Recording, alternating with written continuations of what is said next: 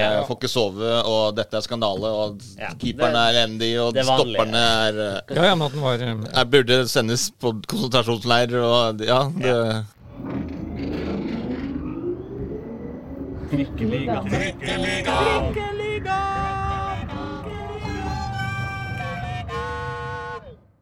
Velkommen til Trikkeligaen sesong 3, episode 24. 24, ville jeg sagt. Ja, men jeg er vikarene, vikarierende programleder og gjør som programleder og bruker den gamle, gode metoden 24 i hans ånd. For det er ikke Aslak Borgersrud som sitter her og skravler i øret ditt, det er Håkon Thon. Jeg er da, som nevnt, programleder, og vi har, jeg har med meg tre stramme, ålreite, kjekke gutter i eh, studio. Pål eh, Karstensen. Hei på deg. Hei, Reidar Solli. God aften. Og Jørn Henriksen Skjerpe. Hallo, hallo. Har det vært en deilig eh, helg med Oslo-fotball, eh, Pål? Det har, eh, har det vært. Jeg har hatt fri, så jeg har bare hatt gått rundt og sett på alle kampene som jeg har hatt lyst til. Ja, du har vært litt overalt. Helt nydelig. Ja. Hva velger man da når man har fri? Å se på, mener jeg. Eh, man velger jo å se på det som er Hva var ruta til Pål Karstensen denne helga? Nei, det viktigste var jo å, å smelle inn Det var jo do dobbeltkamper med Vålerenga og Rosenborg. Det er jo alltid gøy. Eh, men eh, høydepunktet var jo Koffa Skeid. Så den skal vi komme tilbake til. Ja, du har vært innom litt av hvert. Jørn, du har kost deg med ball i helga, du òg? Ja, forrige uke ble det fire VIF-kamper for min del. Ikke mindre, nei. Eh, LSK VIF eh, A og Rosenborg, eller VIF Rosenborg A. Og så andre lag imot Ullkisa og Tromsdal.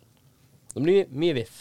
Mye VIF på Som du liker. Og vi skal, vi skal prate mye VIF i dag. Det blir jo naturligvis den heteste poteten, som Reidar pleier å si, eh, denne, denne helga her. Kartoffelen, ja. Den heteste kartoffelen i eh, gryta. Hva, hva med deg? Har du kost deg med lokalfotballen? Jeg har jo avsluttet bare for noen timer siden. Jeg kommer jo nesten rett fra Grefsen stadion. Og klassikeren Kjelsås 2, Skeide 2. Ja. Ja, dette det kommer vi tilbake til. Det var et durabelt oppgjør, vil jeg tro. Det var det. Ja, Og der har vi jo da Nei, det kommer vi tilbake til. Vi kan komme tilbake til det. Vi har det. to Skeid-lag med veldig forskjellig profil. Akkurat som Grorud. Ja. ene laget vinner, andre laget taper. Pål, du har vært innom eh, tennis eh, mye også. Vært, eh, sett Kasper Ruud. Ja, jeg... med det, og du rekker mye ballsport om dagen. Det er mye, mye sport. Jeg har til og med røket og svingt innom NRK P1 på, tidligere på dag. Ja, det har du. Og snakka om Kasper Ruud der. Så Promoterte du Trikkeligaen der? det gjorde jeg dessverre ikke. Det burde jeg jo selvfølgelig gjort. Men du Eh, promoterer P1 her. Ja. det, er, det er hyggelig for P1. det, det, er hyggelig for P1 her er det veldig mange P1-lyttere. Hvem hadde vært, eh, hvem hadde vært eh, Oslo-fotballens beste tennisspiller? Altså, det er veldig vanskelig å Det er sikkert en del på. som spiller eh, Ja, tennis. Jeg tror det er ganske mange. Christian Borchgrevink. eh, Ja, han er god i padel. God i padel. eh, Henrik Bjørdal. Henrik Bjørdal. Også eh, Haug. Kjetil Haug. Kjetil Haug Ja, var ja, ja. veldig veldig overraskende. Eh, Vi, vi så jo uh, Vålerenga i Portugal. Ja. Spilte jo padel. Ja. Eh, og veldig mange av de var jo uh, overraskende gode. Altså Henrik Bjørdal og Christian Borchgrevink sa at de hadde spilt før.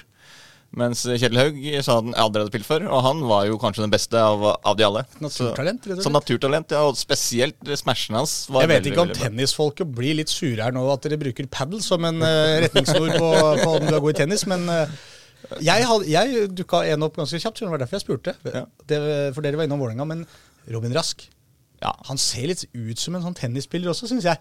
Fin balanse, ikke sant. God ballspiller. Han forstår hvordan den kula fungerer. Jeg tror Robin Rask kunne vært uh, skarp. Hvem tror du, Reidar? Nei, Kasper Ruud er jo best uten ball. Eh, Han slår jo ballen bort hele tida. Ja, ja. Men eh, Leo. Så Hassan Yusuf, kanskje, da, på Grorud? Øyvind Leonardsen. Øyvind Leonardsen hadde vært, hadde vært god. Men han er jo også assistentleder i Mjøndalen, så han er utafor vår sektor. Ja, kan ikke velge. Nei, Morten Berre.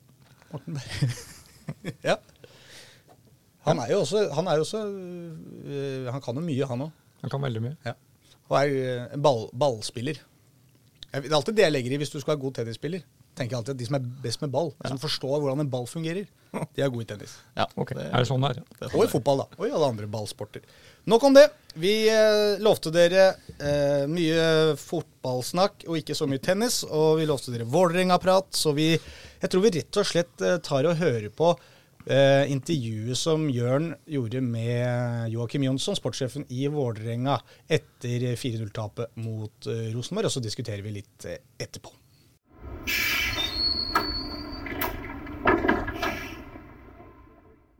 fullstendig rævvære. Helt utilgivelig dårlig. Det er eh, dårlig kollektiv, det er dårlig av enkeltspillere. Det er ikke nærheten av å være et Vålerenga vi ønsker. og Veien til toppen er lengre enn noen gang, naturligvis. Og jobben til å gjenreise dem blir jo naturligvis tyngre. Og så enkelt er det jo bare. Det er for dårlig. Det er ikke noe å legge skjul på det. Hva er det som eh, går galt? Ja, men altså, er det jo, det er jo For det første er jo ikke uheldig på første mål. Det er jo naken keeperspill det første. Så enkelt er jo det. Og så er det jo naken forsvarsspill av Bjarnason på det andre. Vekka går inn ikke 99 av 100 ganger, han går 100 ganger av 100 går han inn i banen. Og avslutter sånn, det vet vi om også. Så slipper man til den da. Det er ut, fullstendig utilgivelig. 3-0 er vel like utilgivelig, det er også forsvarsspill. Så det, det er for dårlig av han. Så enkelt er det jo bra. Det, det ser han vel selv også. Så det, det, det blir leverer altfor dårlig. Mye snakk om trenersituasjonen nå. eh, Ja, den er vare, men det har ikke forandret seg. Det Tuva uttalt i Sydt Eurosport tidligere også, så det, den, det har ikke endret seg. Ja, det sa jeg pratet jeg om sist, så det er ikke noe forskjell. Hvordan snur man det her, da? Nei, altså vi snur jo delvis. Må, må vi jo helt sikkert uh, möblere om litt grann den tid, men vi har jo seks kamper i Eliteserien før det, og det må vi jo snu nå. Så at eh, vi har vel vist i tider i vår at vi har, har kvaliteter, må vi komme tilbake der. Så ferien kommer jo veldig beleilig for oss, og at vi får litt ferie nå og, et break, og så får vi starte om litt på nytt. Så enkelt er det. Hvor enkelt er det å, snu det på en ja, toukersperiode? Ja, men det går jo alltid. Det er jo fotball, da. Man har jo sett verre snuoperasjoner i norsk fotball enn det her. eh, Sånn sett, så det, det kan vel gå å gjøre. Så det er jo litt marginer naturligvis, men eh, for å snu sånn, så at, eh, vi må jo bare gjøre det. Tre poeng er det vel til direkte nedrykk nå. Hvor, hvor langt er man eh, toppen nivåmessig i Vålerenga? Nei, men nå er vi jo akkurat eh, Vi er jo, vi er jo tre poeng fra å være et nedrykkslag. Vi er jo ikke bedre enn det. Tabellen efter en en tredjedel av serien lyver jo aldri, så per nå så er vi jo nærmere nedrykk enn noe annet. Så enkelt er det.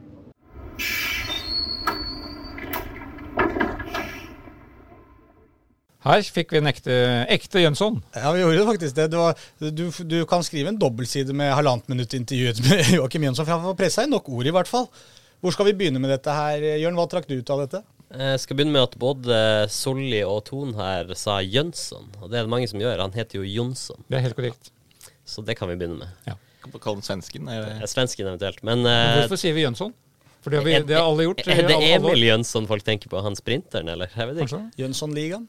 Jønsson-ligaen? Ja, Jønssonligaen. Det er jo normalt for svensker å hete Jønsson. Ja. Ja. Men, Men vi eh, kan prøve å skjerpe oss. Vi lover ingenting. Vi snakker om Jonsson. Ja, Joakim Jonsson. Eh, Nei, altså det var, en, det var jo en spesiell seanse, vi som var der, eh, og så Vålerengas største nederlag noensinne på Intility Arena. Og det som da skjedde etterpå, som da ikke de fleste, de fleste har fått med seg hvordan sånn det gikk da med 0-4. Men da kom først Kjetil Rekdal ut i mikssonen der. Mikssonen er da for de den, eh, det stedet hvor journalister og trenere og spillere møtes. Eh, Kjetil Rekdal kan jo snakke på inn- og utpust i 47 minutter om både Vålerenga og Rosenborg. Men han vil jo da snakke mest om Rosenborg, selvfølgelig. Men klarer ikke å la være å snakke om Vålerenga. Men eh, jeg var jo mest opptatt av hvor lang tid det ville ta før eh, Dag Eilif Fagermo ville dukke opp. Og det tok vel 47 minutter, ifølge min uoffisielle tiltaking. Men de hadde sin, da sin bakgrunn, som han selv sa, at de måtte ha sitt krisemøte umiddelbart. Og de ble enige om å også starte ferien umiddelbart. Selv om de egentlig skulle venta til mandag og hatt en liten treningsøkt og hatt et møte da. Men det ble framskyndet pga. dette resultatet som jo vil si Joakim Jonsson ga en ganske besk presis beskrivelse av. Men forstår vi hva som har blitt eh, diskutert her, på en måte annet enn å bare smelle i veggene og si at dette er for dårlig? Eller kan vi, eller kan vi i verste fall eh, eh, tenke rundt hva det kan være? på en måte? Vi snakker, han snakker om trenersituasjonen, han vil jo ikke egentlig prate om, om den. Men samtidig så sier han at vi må møblere om. ja, og hva hva betyr det? Da tenker jeg på spillelogistikk. Og Ja. det, det er jo åpenbart at VIF trenger spillere inn. Eh, eh, først og fremst fordi Ivan Nesberg drar til Hellas. Aron Dønnum og Taufek Ishmael drar tilbake, antageligvis fra sine låneopphold, eller til sine eierklubber. Eh, og så er det jo andre behov også som eh, er åpenbare. Hvor skal vi begynne, Reidar? Men altså, grunnen til at da avskjedigelse av Fagermo ikke er noe tema i VIF, det er jo for at de skal få Jon Fagermo og Jonsson til å virke. Mm. De har ikke begynt ennå, i gåseøynene. Mm. Og dette blir jo førstegangsvindu til Joakim Jønsson. Og har jo vært veldig klar på at han skal på jobb. Men eh, nei, spillemessig og slik, det, er jo, det, det sa jo Fagermo til meg etterpå, så nå må de legge, også legge om spillestil. De må bli mindre romantiske, mer, Mer kynisk. mer kyniske. Eh, mye mer direkte enn de er nå. Det er jo altfor omstendelig, det som foregår. De er helt ufarlige i angrep når de spiller mot etablert forsvar.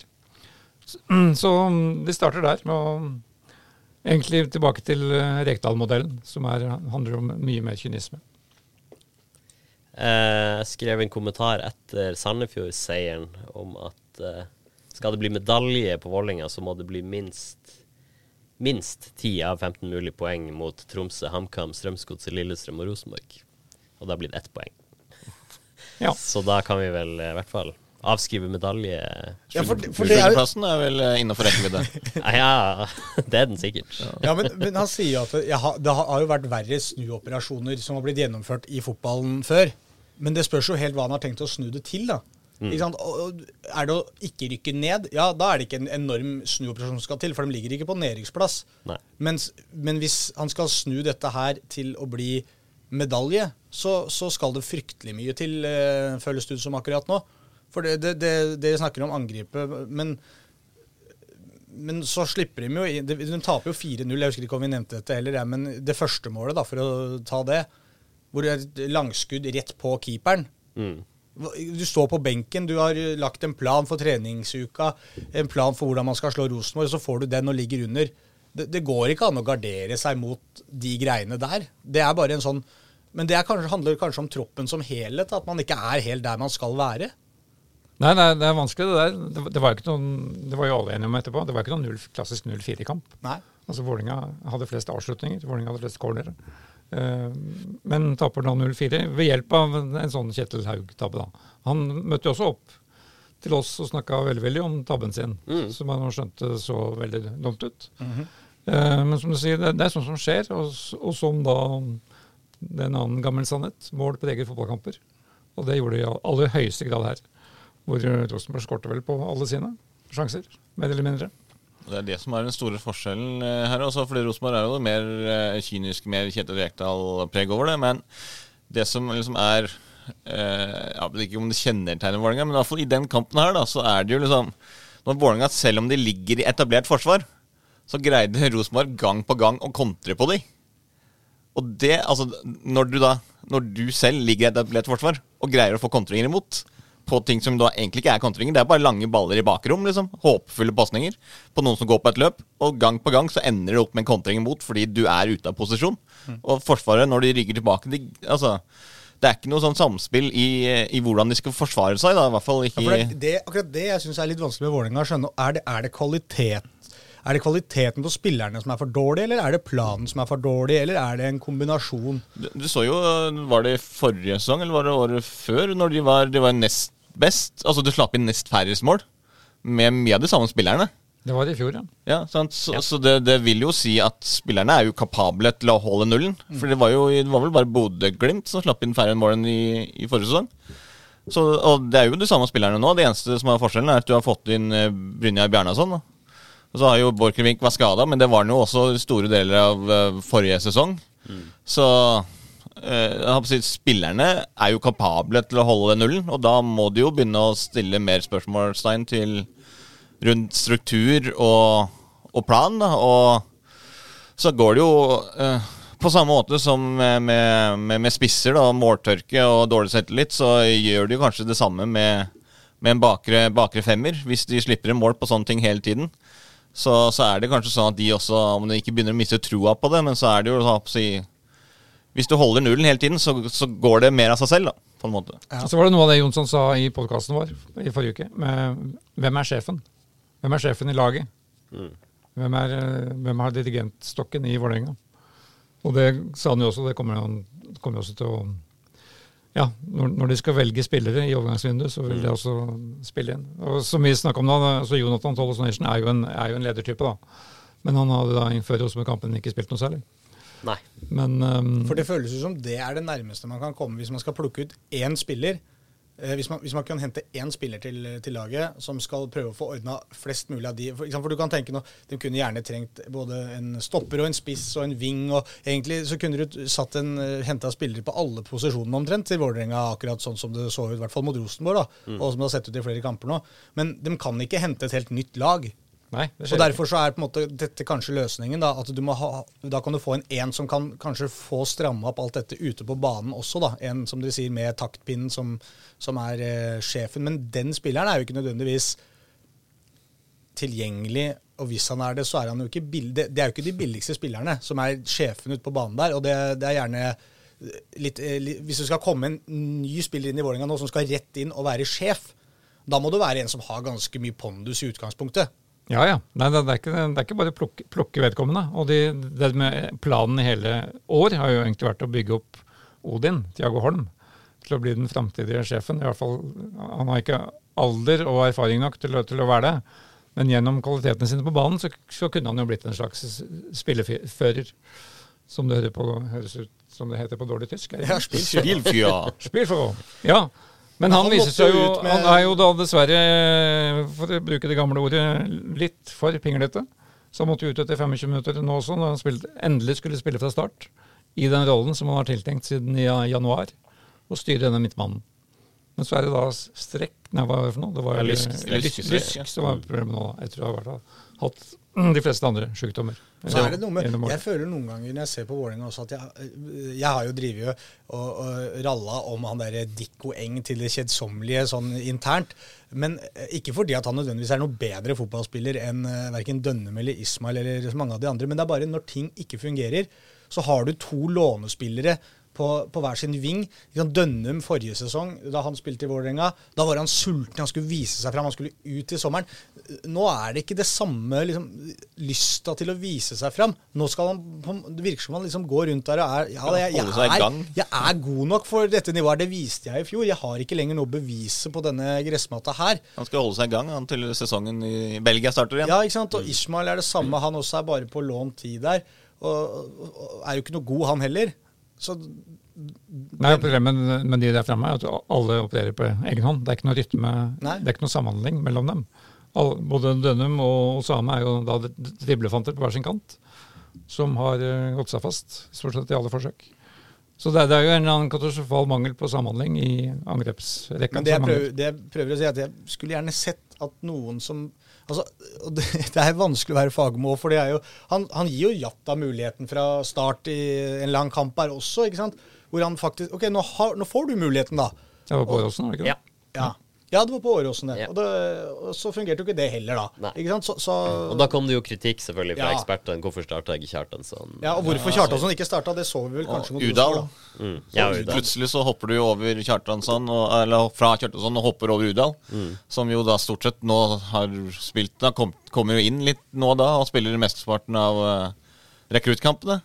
Det er liksom øh, Hvor gøy syns Udal det er, liksom? Ja. Hvorfor selger ikke da Udal til, til Bodø-Glimt hvis du ikke har tenkt å bruke han likevel?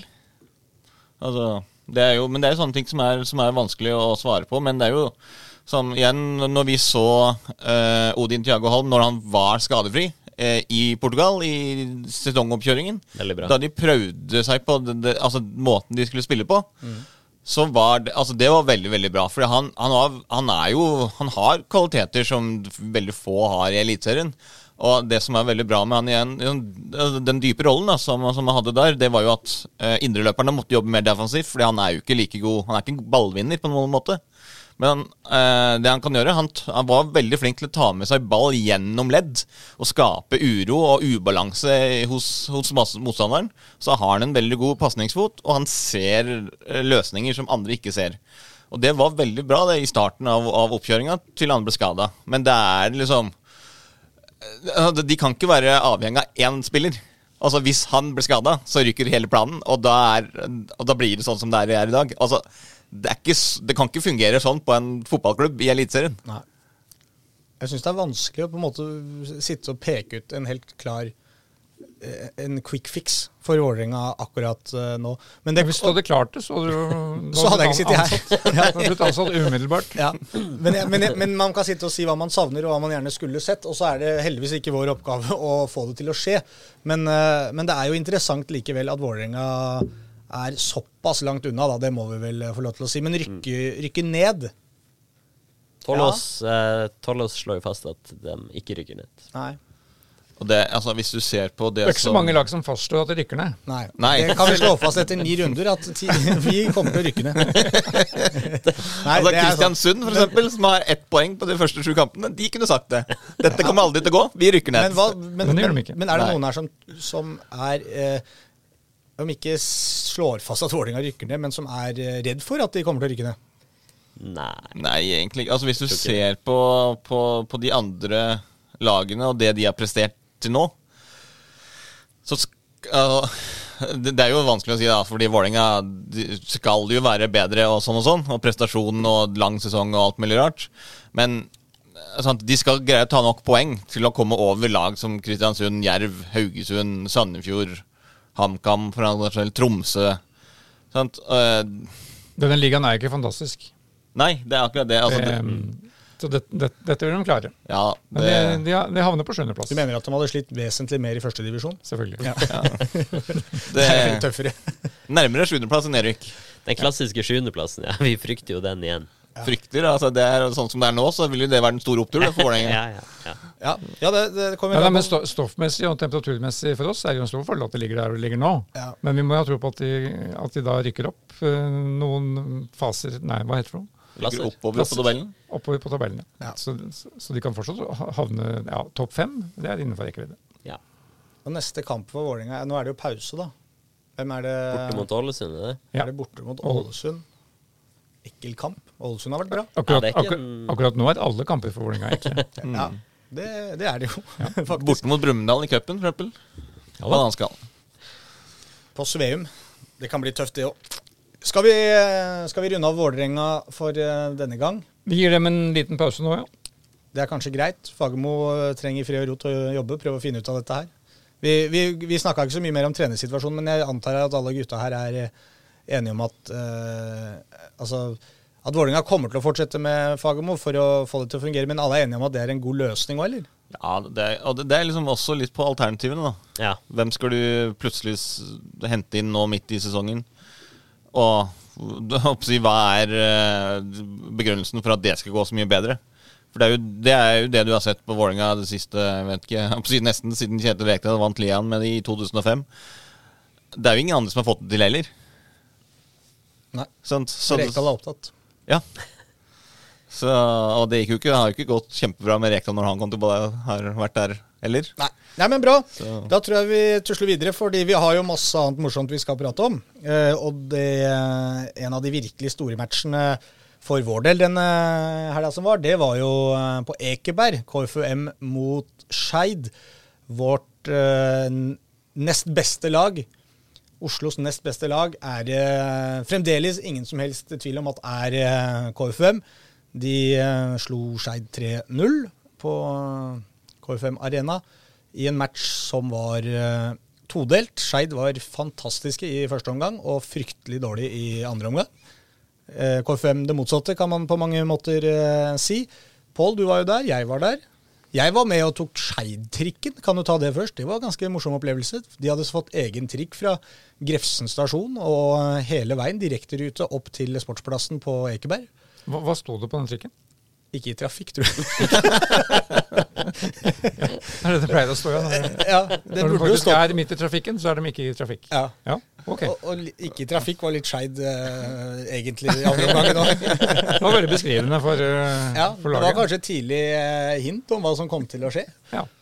Men, uh, ja, Men du liker jo å reise kollektivt med diverse Oslo-lag. ja, Så det var en liten opplevelse. da. Det gikk fra Trikkestallen, som er jo da Ja. rett ved siden av Skjærbanen, Mm. eller Nordåsen, til Men jeg kjørte da Jeg kan ikke ruta, men det er jo da Vi kjørte ned Torshov? uh, Torshov, eh, så gjennom sentrum, eh, Dronning Eufemias gate, Bjørvika der, og opp Ekebergskrenten.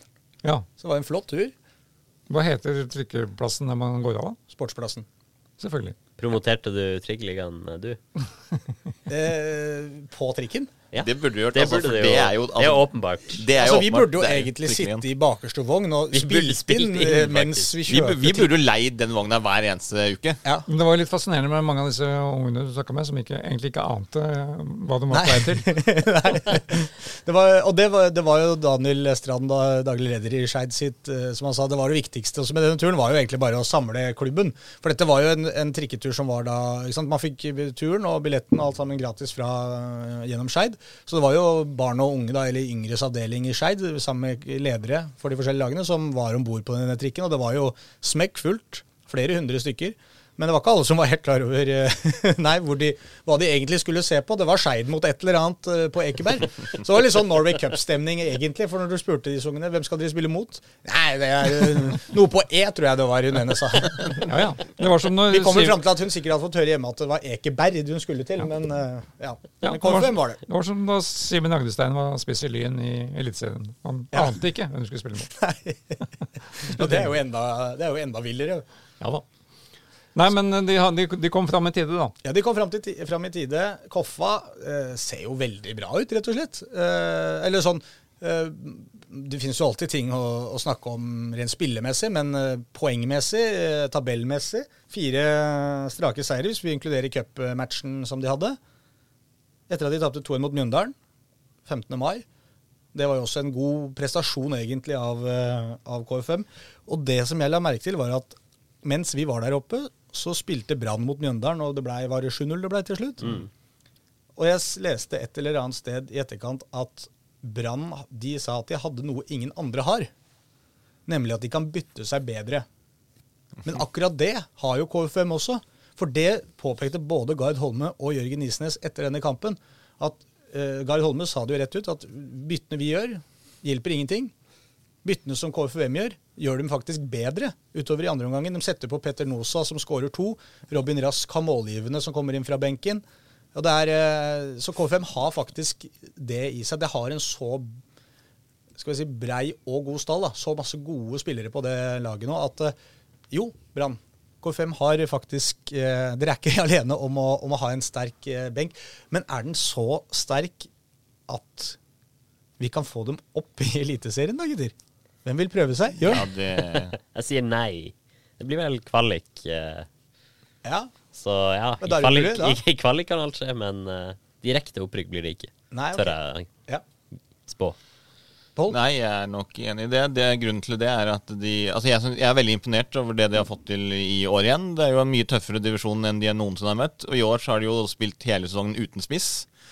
De fikk jo både altså Fredrik Brustad har vært skada og vært sjuk hele tiden. Thomas Clemensen Jacobsen har blitt skada, han har blitt operert.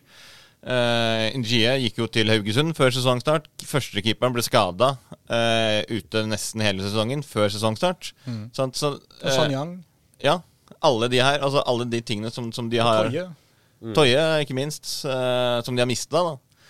Eh, før den, uh, den sesongen her. Uh, Allikevel så greier de å finne en måte å vinne kamper på. Det er det som er mest imponerende. Den problemløsningen som både Jørgen Isnes og, og Johannes Mosgaard, assistenttreneren, og hele teamet rundt der, da, setter opp laget på, på måter som gjør at de vinner kampene på.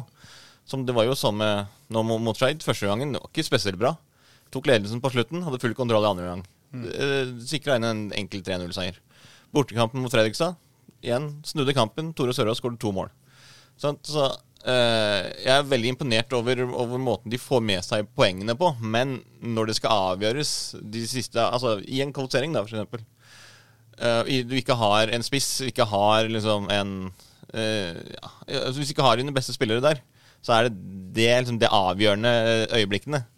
Kanskje da det bikker, bikker slang ut igjen. Men, men eh, de har gode muligheter til å rykke opp igjen i, i år, sånn som de hadde i fjor og, og året før. Så Jeg kom på nå bare eh, ja, Vi har jo snakka og skrytt av KFM om eh, evnen de har til å på en måte eh, eh, Selv om de mister masse spillere, så eh, Jørgen Isnes er alltid ekstremt flink til å ikke se problemer i noe som helst som skjer. Han ser bare nye muligheter hele veien. Og Det er en ting å si det, men det er en annen ting å faktisk gjennomføre det hele tida. Og Det er jo litt av det samme som har vært eh, suksessoppskriften til Grorud også. At de også har klart å fornye seg hele tida. Klart å finne løsninger på de problemene som har, eh, har dukka opp.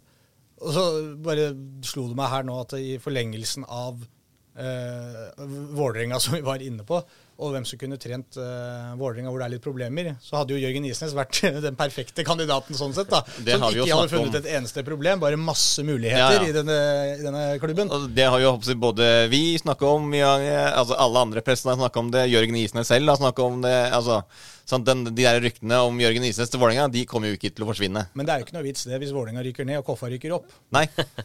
For da er de plutselig på toppen av Oslo-fotballen, og de, er ikke så, de har aldri vært nærmere nå enn nå, Reidar. Nei, det er ikke det. Og, de, og jeg er jo da blant dem som mener at de kan rykke opp. Jeg tror ikke de tar de to fleste, første plassene. Men når jeg kan rykke opp, så kan K5 rykke opp. Så, så enkelt er det. Men uh, de kommer til å kommer til å sikre seg inn på kvalikplass ganske sikkert, tror jeg. For jeg tror de faktisk har en stigende kurve utover sommeren og høsten. Uh, og som alle sier, også, uh, imponerende nå mot Skeid, var de, de, så og definerte problemene de hadde før pause. Gjorde noe med det og overtok hele kampen. Og det, er mye fotballforståelse i, det laget, både på benk og på banen. Så jeg er veldig optimist når det gjelder å få K5 opp, faktisk. Og når man tenker på Eh, utgangspunktet her før sesongen. og Vi, vi satt og snakka om at har det noen gang vært en bedre førstedivisjon? Altså sånn på papiret med antall store klubber i Start og Brann og Fredrikstad og Stabæk. Eh, det er sikkert noe, Mjøndalen er der. Det er jo enormt mange ressurssterke klubber der. da. Mm. Og, og, en tabell som gjerne eh, reflekterer eh, størrelsen på klubber og budsjetter. Så er det jo Skal det sies at KFM er ikke noe miniputt lenger, de heller. men Likevel, i forhold til de aller største, så er det jo for det fremdeles det. Og, og hvis de skulle klare å komme seg til en kvalik igjen, så er jo det fryktelig imponerende. For da må de dunke ut noen av disse ordentlig store kanonene da, av fotballaget i Norge. Mm. Og det tror vi vel kanskje alle på at de kan gjøre. KFUM Jerv i kvalik, f.eks. Da er det Da går Koffa opp, ja. spåret. Men Jerv går vel fort rett ned. Ja. jeg, tror, jeg tror det er sjansen er større. KFUM Vålerenga? Det kan være noe. og da veit du hva Jørgen Isnes sier? Intility, det er vår hjemmebane, det. Vi taper jo nesten aldri her. Nei, altså de har jo bedre statistikk på Intility enn Vålerenga her snart. Ja, i hvert fall prosentmessig så er det jo veldig mye bedre. Vi må innom Skeid òg, gutter. Vi skal være kjappere etter hvert. Vi skal jo gjennom det meste som har skjedd, men vi må ta det mest interessante her. For Skeid er jo da i helt andre enden av eh, skalaen. Her må vi rett og slett uh, stille Jumbo. Ja, det er sisteplass inn i ferien med tre poeng. Mm. Eh, men ikke den samme følelsen av panikk og krise på en måte allikevel som i Vålerenga. Men det begynner å kjenne på det nå. Skeid Gard sa det vel rett ut etter den kampen her, at det, eh, det er en ny, fin prestasjon i første omgang, men vi står ikke hele kampen. Og det har vært litt gjennomgangsmelodien hele veien. Og, og så var han jo faktisk der at han sa vi må uh, fokusere på prestasjon, uh, hvor, som er veldig ofte det litt kjedelige svaret fra en trener. Men så slang han jo på. Men vi må jo også se på tabellen. Vi kan ikke drite i tabellen. Vi er nødt til å se på den, for det er den som bestemmer. Og vi må bare ha poeng nå. Så det er jo ofte litt sånn at i starten av en sesong så er gode prestasjoner veldig viktig, for da har du noe du kan bygge videre på de tinga her. Men når du begynner å bevege deg litt lenger ut i sesongen, så blir jo prestasjoner etter hvert mye mindre viktig, og poeng mye, mye mer viktig. Mm. Og Statistisk så er det jo veldig lite som tilsier at de skal overleve. Jeg har ikke gått gjennom alle tabeller eh, gjennom historien, men når du har tre poeng når en tredjedel av, av ligaen er ferdig, så rykker du som regel ned. Men så har du da det som det de klamrer seg til, og som, som, er den mentale øvelsen der. at uh, Det er den ligaen, det er, det er de klubbene som ligger fra tiendeplass og ned. Det er, der, det er, den serien de liksom nå skal inn i. Der har de jo slått, slått Stjørdalsblink, og så har de tatt for Kongsvinger. Men så har de da disse nøkkelkampene som de må vinne mot Grorud og Bryne, Åsane og kanskje Raufoss. Men det er den ligaen de egentlig er i. Og det er nedre halvdel av Obos-ligaen. Og hvis de vinner nok kamper der, så overlever de. Og det er jo det som må være fokuset deres. da. Ja, og det, det, er liksom akkurat det som er grunnen til at de kanskje ikke eh, har så mye panikk heller.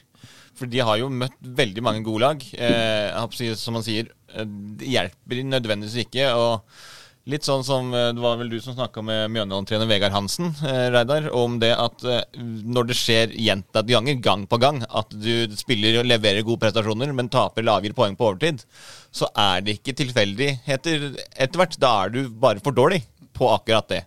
Men det, det, er kanskje det er nok det som gjør at de ikke har, har så mye panikk. Fordi det er ø, om å gjøre bare å slå de lagene der. Og det har du si, hele sesongen på å gjøre. Og nå er det jo ikke, det er jo ikke mer enn to poeng opp til Stjørdalsblink og Grorud, f.eks. Og det er jo ingenting. Så de må selvfølgelig begynne å ta poeng og eh, skåre flere mål og gjøre, ta gode valg og alle de tingene her. Men samtidig så har de jo hele sesongen på seg. Og så må jeg bare, bare skyte en ting som vi også så når vi var på den kampen. Eh, nemlig, og det var jo at når eh, David Higson lagde den corneren eh, som førte ja. til første målet til eh, til eh, Koffa, som eh, Momodou Lion Njaye skårte på, så sa, snudde han seg mot benken. Han, han prøvde å hviske det, men som vi, vi også snakker med, han, han, har jo en såpass bass i røsten Ja. at når han hvisker, så er det ganske lett å høre hva han sier. Ja. Og da sa han det med en gang. Han var, snudde seg, var rimelig forbanna over at de ikke bare slo den ballen ut til corner, nei, ut innkast. For det her kan ende med baklengsmål. Ja, han sa vel 'hva er det jeg har snakka om hele uka'? Ikke gi bort gratis cornere. Og så bang inn, og eh, kom 1-0, selvfølgelig. sant? Ja. Og så er det jo også litt gøy, den feiringen til eh, Mobdi Ja, det må vi nevne. Det var veldig, veldig festlig. Fordi det han eh, Profetene, altså heiagjengen til Koffa, var jo helt på mottatt side. Så han, det, det han gjorde, han løpte jo mot eh, Skeid-gjengen. Oksene, Skeid-oksene. Og liksom med øynene og så hey, jubla sånn. Før han løpte da mot Isnes for å skulle juble med han. Men Isnes var jo liksom ikke så opptatt av det. Liksom, det er ikke de du skal juble til. Han peker liksom på profetene. Du må juble, juble dit. Du må løpe dit. Ja, jeg tror det var litt sånn todel fra Isnes. Jeg tror det var litt sånn ikke pådra Han hadde jo allerede gult kort, ikke sant? Og så løper du og feirer foran uh, bortelagets uh, supportere. Så uh, det var ikke noe sånn jublende glad Isnes som sendte han over til profetene. Det var en forbanna Isnes som liksom Hva er det du holder på med? Kom deg over dit hvor din egen er. Men han fyrte bra. Han satt jo henda inntil øra og liksom Jeg hører dere ikke. Og fikk tilbake, fikk tilbake 50 pek, nei, langefingre. og det, da kokte det litt på matchen. Og det liker jo vi, da. Ja, det var akkurat det. Jeg la jo det på, på, på Twitter, og det har jo blitt en litt sånn flere som har meldt seg inn, både fra Skeidoksene og fra Profetene, og til og med fra, fra Lyn, som mener at det er jo at de her eh, si, profetene og Skeidoksene skal prøve å ha en supporter-battle. Ja. Det er bare søtt, mener de, som eh, mener at de er mye flinkere til å heie på sitt lag enn enn noen andre. Men, eh, det, men det er akkurat det, fordi det jeg skrev, det er liksom at eh, her er det noen som fyrer opp. Og altså, så vi i pressen, vi elsker jo det. Ja, dette, er- dette har jeg sagt 100 ganger. Hvis du skal få et, uh, disse lokaldermene som mange ler av uh, både innad i Oslo og spesielt utafor, men at det ikke er noe særlig trøkk rundt dette, og vi hele tida prøver å blåse opp, og laga selv prøver å blåse opp, men så kommer vi på kampdag, og så er det litt glissent, og ikke det trøkket. Men det, er, det handler jo ganske enkelt om at disse lagene må møtes jevnlig over lang tid, og så bygger det seg opp for kamp for kamp for kamp. Det er jo ikke sånn at eh, man bare går rett utpå der eh, en match mot hverandre for første gang, og så hater hverandre. Ikke sant? Det må bygges opp over litt eh, tid. Men uh, mitt inntrykk som så dette utenfra, var vel at Skeid vant tribunekampen der, i den grad det var noe mulig å kåre noen vinner. Ja. Ved hjelp av disse trikken din og, og oksene. Eller var det bare mikrofonene som var plassert eh, i Ja, for, Profetene var ikke så gærne, de heller. skjønner du. Så det var en god gjeng der borte, dem også. Så akkurat selve supporterklekkene, for å si det sånn, det var egentlig en ganske fin eh, og jevn duell. Men jeg vil nok si at Skei tok den til slutt, ja. Men det var ikke over 1000 tilskuere der, som det står offisielt i alle, alle kampvakter? Nei, men Tipper kanskje 600-700. det var jo, jeg aner ikke, for jeg så jo ikke to av tribunene. Så det er jo helt umulig å vite. Det, det er sant, Men jeg tipper kanskje en 600-700 var til stede. Det offisielle tallet var 1070 eller noe i den stilen. opererer vi med det. 1027. 1027, Ja, det er trant. Ja. Null mål på de to siste for Skeid. De har uh, Sogndal hjemme i uh, neste seriekamp. De skal møte Frigg i cupen også. Før det. De satte faktisk opp den cupkampen litt tidligere, dem. 15. juni, ja. Det blir en høydare. Det kan, bli, det kan bli ganske, ganske svett, det òg, faktisk. Jeg snakka med Gard litt om det. For Frigg har vært litt i samme situasjonen som Skei dem i, i andredivisjon. Og levert mye gode prestasjoner, men ikke nok poeng. Mm. det, og bare, jeg skulle skyte inn det faktisk også, fordi at eh, når man snakker om at Skeid har møtt god motstand eh, det er jo ikke snakk om at eh, man snubler mot Stabæk, man taper mot Fredrikstad, mot Mjøndalen, mot Bra- eh, Brann. Ja, ikke sant, de laga her. Eh, Det er ikke de som er det viktigste å ta poengene mot heller. fordi alle de andre båndlagene kommer sannsynligvis til å avgi mye poeng i de kampene, de også. Problemet er at når man snakker om at man er uheldig med serieoppsettet, så er det gjerne hvis du får mye sånne lag i starten. fordi du kan godt sitte og si at ja, det er ikke de kampene man skal vinne, men den følelsen av de tapene, og at ting akkurat ikke går, tape med ett mål i serieåpninga mot Stabæk etter to straffespark imot, ikke sant, og de tinga der, det bygger jo på eller du, det skreller jo av selvtillit hele veien. ikke sant? Og Når du da kommer ut på andre sida etter denne ferien og skal prøve å ta litt poeng mot de laga rundt deg, så har kanskje ikke Skei den samme selvtilliten som er nødvendig, da, som hvis de hadde møtt Blink og Bryne og Åsane f.eks. i de tre første kampene. Så det kan være helt avgjørende til slutt at Skeid faktisk hadde den tøffe sesongstarten. Men det vil tiden vise. Ja, da, fordi da, De gikk jo da faktisk på sitt årets største tap mot et av de få lagene i Obos-ligaen som aldri har vært i Eliteserien. Eh, Som da er, eh, uten at jeg tror det har noen veldig stor påvirkning. Ja, KFM. Ja. Ja. Men uh, siste serierunde, borte mot Stjørdalsblink. Det kan bli et uh, Det, blir, det kan bli en rysare. Det kan bli helt avgjørende. Det kan bli litt sånn som du var med på i Premier League siste serierunde med Leeds, Reidar. Det også, Ja, ja, ja. Det også var en, nervepirrende affære. Det er, det er lenge til, ja, til tida går ut. Det gikk er- jo greit, det, da. Det gikk fint, det. Ja. Ja, ja. Aldri i tvil om den. Overhodet ikke. Ja. Tor André Flo kommer på besøk eh, til? Skeid neste gang. Ja. Hit. Ja. Ja, ja, gjerne hit, Ja. Tore, hvis du hører. Åpen invitasjon. ja, absolutt. Norges spilles, spilleste Norges snilleste spiller, og kanskje hyggeligste trener. Det blir koselig å få på besøk til Nordre Åsen. Han må vel ha. Men det er jo heller ikke en kamp som Skeid egentlig skal og må vinne. Men det, det, det de mangler, er liksom disse bonuspoengene som Ja. man kan ta av og til, som de skulle hatt mot Sandnes Ulf. Mm. Eh, for de må nok ha noen sånne Noe bonus må de ha. Ja da, du kan ikke bare si at det, Fredrikstad Mjøndalen er gode lag, og det er Stabæk og Brann og Start Nei. også, så vi kan ha null poeng mot alle de. Fordi de andre, de, Hvis du skal holde deg, så holder det ikke. Nei. Du sier det mot alle lagene, så blir det vanskelig å ta poeng. Men det er ikke pinlig på noe vis. på en måte. Men det er bare Men, at du må ha eh, noen eh, Vil du bevege deg eh, Skeid og KFM er da publikumslagene til Oslo i Obos-ligaen. Mens Grorud ligger da betydelig etter. For snittet til både Skeid og Grorud er vel nå over 1000. Nei, Skeid og KFM mener jeg, ligger på over 1000, mens Grorud sliter. Og der var du, Jørn. Ja, og det var litt morsomt før kampstart eh, i matchen mellom Grorud og Stjørdalsblink, bunnkampen. Fryktelig viktig kamp. Fryktelig viktig kamp, eh, og veldig glissent før kampstart. Og da eh, Frode Englund, spiker eh, i Grorud, og medieansvarlig og ja, Litt alt, mulig. litt alt mulig, ja. Han koste seg med å melde at da må alle trekke inn mot midten.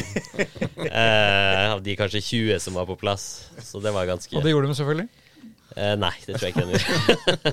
Men det ble det kom flere. Men det altså, er jo bare eh, å glemme at noen hører noe. Han kan jo si hva han vil i den mikrofonen, for de høyttalerne oppe på Grorud de er jo så uh, dårlige at det er ikke mulig nesten for publikum på andre sida å høre hva som blir sagt. Nei. Ja, uh, men ja. Og ferden opp pressetårnet er jo alltid nervepirrende for oss som beveger oss dit. ja. Den bratte trappa opp der. Men det gikk bra denne gangen òg. Det gjorde det ikke for Grorud, som tok ledelsen med Bjørn Martin Christensen, men så snudde Blink det til 2-1. Og Grorud jakter fortsatt sin første seier.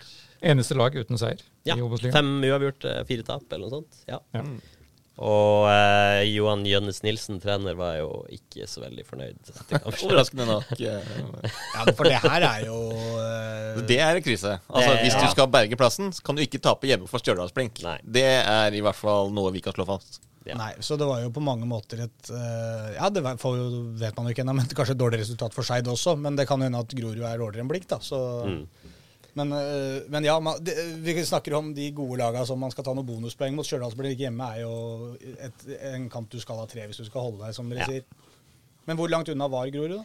Nei, de var klart best det første halvtimen, vil jeg si. Da trodde jeg det skulle bli en komfortabel seier. de tok jo ledelsen tidlig med, med Christensen og hadde god kontroll, men så eh, kom det et fille baklengs imot, og så ble det mer jevnt i andre omgang. Og da å tape på et selvmål på slutten var jo ekstra surt, selvfølgelig. Så, eh, men de burde ikke tapt den kampen. Det burde de ikke. Men, eh, Men de gjorde det. de gjorde de, de preger vel et lag i motgang, det. Ja. Ja. Det burde jo for så vidt prega Stjørdalsblink òg, men Neste Oslo-darby er jo Grorud-Skeid. Det, det er jo da selvfølgelig midt i fellesferien. I den grad det er noen fellesferie lenger. Men øh, det blir jo et øh, kn knok knokkeloppgjør, Ja. bokstavelig talt. og et viktig oppgjør. Men du har jo et oddstips der, har du ikke det, Reidar? Det er bare å spille på pluss fem gule kort eller noe sånt. Ja, Hvis det er mulig. Spille på 1-1. Jeg skulle jo si 1-1. Ja. Det- det- 1-1 er jo bankers, men hvor mange gule kort er litt mer usikkert. Ja, for du trodde det ble mange. Men nå blir stad. Ja, noen blir det. det, er et, det er et litt vagt tips igjen. I hvert fall én. Noen. Mer enn null. Men det kommer til å bli en tøff match, er det ikke det du tror? Jo, det er det. Jo, jo. jo. Det, er- det er klart det. Og begge Det, det er jo de færreste som tror at begge overlever. Ja. Jeg vil jo Sannsynligheten for at ett av Oslo-lagene går ned, den er jo betydelig. Det tror jeg alle innrømmer som følger med på dette. her. Og da, da, da blir jo de to duellene dem imellom ekstra interessante. Mm. Så vi har ikke tre lag fra Oslo i første divisjon neste sesong. Det kan vi ha hvis Vålerenga kommer ned, eller Kjelsås kommer opp. Ja, men ikke Men det blir ikke de tre som er- samme. Nei. Nei. Men vi tror vel egentlig ikke at Kjelsås ryker opp, og vi tror vel egentlig ikke at Vålerenga ryker ned heller. Nei. Nei. Så hvis vi skal tro og tro og tro til vi blir blå i trynet her, så, så tror vi vel at eh, Men hvem tror vi da? Grorud eller Skeid? Hvem holder seg? Hvis vi skal eh, For vi kan ikke, vi kan ikke sende ned begge. Nei, nei. Nei, det hadde vært trist. Ja. Det hadde vært nitrist, faktisk. Jeg vil si akkurat nå så, så har jeg faktisk litt bedre følelse på Skeid enn Grorud. Ja, samme her, Ja, jeg har, ja, egentlig. Men det Men samtidig så har Grorud den derre evnen, da. Ja, det var som vi snakka om litt her i stad. De, de, de har gjort det til så mange sesonger nå hvor de har klart å eh, få komme ut på rett side, da. Gang etter gang. Helt i Grorud, Ja. som i fjor. Og vi har jo dratt opp dette til det kjedsommelige sikkert, men uh, bare det, sesongen de rykka opp, da de var i en dårlig steam, slo Alta eh, på bortebane i nest siste runde før de rykka opp mot Fram, uh, holdt seg to sesonger i, i førstedivisjon på, på håret, ikke sant. Og de, de klarer det alltid. og de har, eh, Det er kanskje den fordelen de har, at den gruppa oppe på Grorud, den tror jeg tror mer på det. De vet at i dårlige perioder, det kommer til å snu. Det har vi bevist for oss selv så mange ganger. Mens den Skeid-gruppa tror jeg er litt mer skjør, på en måte. Men jeg syns likevel det Skeid har vist, på en måte spillemessig, har vært, eh, vært eh, såpass bra at eh, kanskje jeg setter dem så vidt foran. Men det er, det er vanskelig å si. Altså. Men så er jo Grorud at de, de har ikke møtt alle disse topplagene ennå. Altså, de, de hadde jo tidenes sjanse til å slå K5 da, i den åpningskampen. Grorud, Ja, hva var det jeg sa? Nei, du sa sikkert det, bare jeg Ja. fikk ikke med meg. Grorud, ja. Ehm, for de hadde jo K5 på gaffelen i seriestarten. Og mista jo seieren på langt inn på overtid. Seks minutter. Og de har vel litt Nå har ikke jeg kampoppsettet fra meg, men de har jo igjen en del eh, av disse såkalte topplagene, da. Første duellen ser jeg eh, er så skeiv Grorud 3. juli. Det er ikke så lenge til. Men uh, Abel Stensrud sitter jo bare på benken i Odd. Kan ikke Skeid hente han på lån, eller noe sånt? Er ikke det et uh, hot tip? Ja, men igjen, det, altså, vi snakka jo litt om det også før sesongstart, når han gikk til Odd. Uh, altså, han har jo en halv god sesong i andre divisjon. Det er jo heller ingenting som tilsier at han skulle være like god i førstedivisjon. Ja. Og nå spiller han jo stort sett bare andre divisjon nå også. Så uh, ja. Det, men igjen, problemet Eller ikke et problem, da, men sånn som vi har sett, som du også har skrevet mye saker om, uh, Reidar, at han har jo Gabriel Andersen der. Ja. Og Gabriel Andersen får jo veldig begrensa med spilletid nå, fordi han mener at han og Jonny Buddesson er for like, så vil ikke, han vil ikke spille med de eh, sammen. Og hvis du da henter inn Abel Sensrud, så er det jo ikke sånn Skal du da Ja, hvem skal du vike, da? Hvor skal han spille? Skal han spille på kanten, da, i stedet for eh, Eller skal Buddesson spille? Og det det, det, det så vi litt nå. Det var litt det som du snakka om tidligere her, Håkon. eh, Hvilke bytter de gjorde.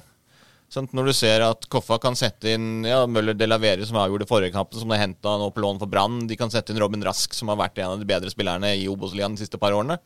Og så venter eh, eh, Gard Holmen venter jo med å sette inn Gabriel Andersen helt til de siste hva er det, sju-åtte minutter igjen av kampen. Sant? Og det Men det er det som er så vanskelig når du trener et lag eh, hvor ting ikke går eh, riktig vei. Det er skal vi stå skal jeg stå med den planen som jeg mener er den beste, med de spillerne jeg mener kan utføre den planen på best mulig måte?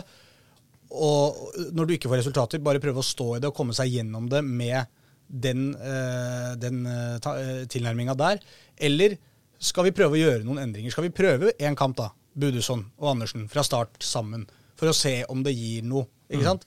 Eh, problemet da er at da, de gutta vet jo at det er denne kampen. Det kan være både problem og en styrke, da. Men de vet at nå må vi, må vi levere hvis vi skal fortsette med dette her. For hvis det blir tap da, så er det nok veldig lenge til neste gang han, de igjen prøver noe sånt. For det er jo Trenere vil jo gjerne stå i sitt valg. Dette er min fotball, den skal se sånn ut, og de spillere her kler det best. Så, øh, men det er klart, du kan ikke bare, hvis du står med tre poeng etter 20 kamper også, så kan du ikke fortsette å mene at dette er godt nok. Da? Eh, På et eller annet tidspunkt må du ta det grepet hvis du ikke får resultater. Og så er det det som er kunsten, akkurat som når du selger aksjer. Når, øh, når skal du gjøre det, da? Ikke sant? Når, det ikke blir for seint. ja. Fagermo skal jo gjøre det nå, sier han. Ja. Ikke sant? Så ja. Vi får se. Vi får se. Øh, Vi får se. Men eh, ja, nei, det er jo, det er jo antagelig det som er den største diskusjonen internt i Skeid. Men nå, nå er ikke vi på treningene til Skeid og ser jo ikke hva som foregår der. Så det er vel en grunn til at han gjør det valget han gjør.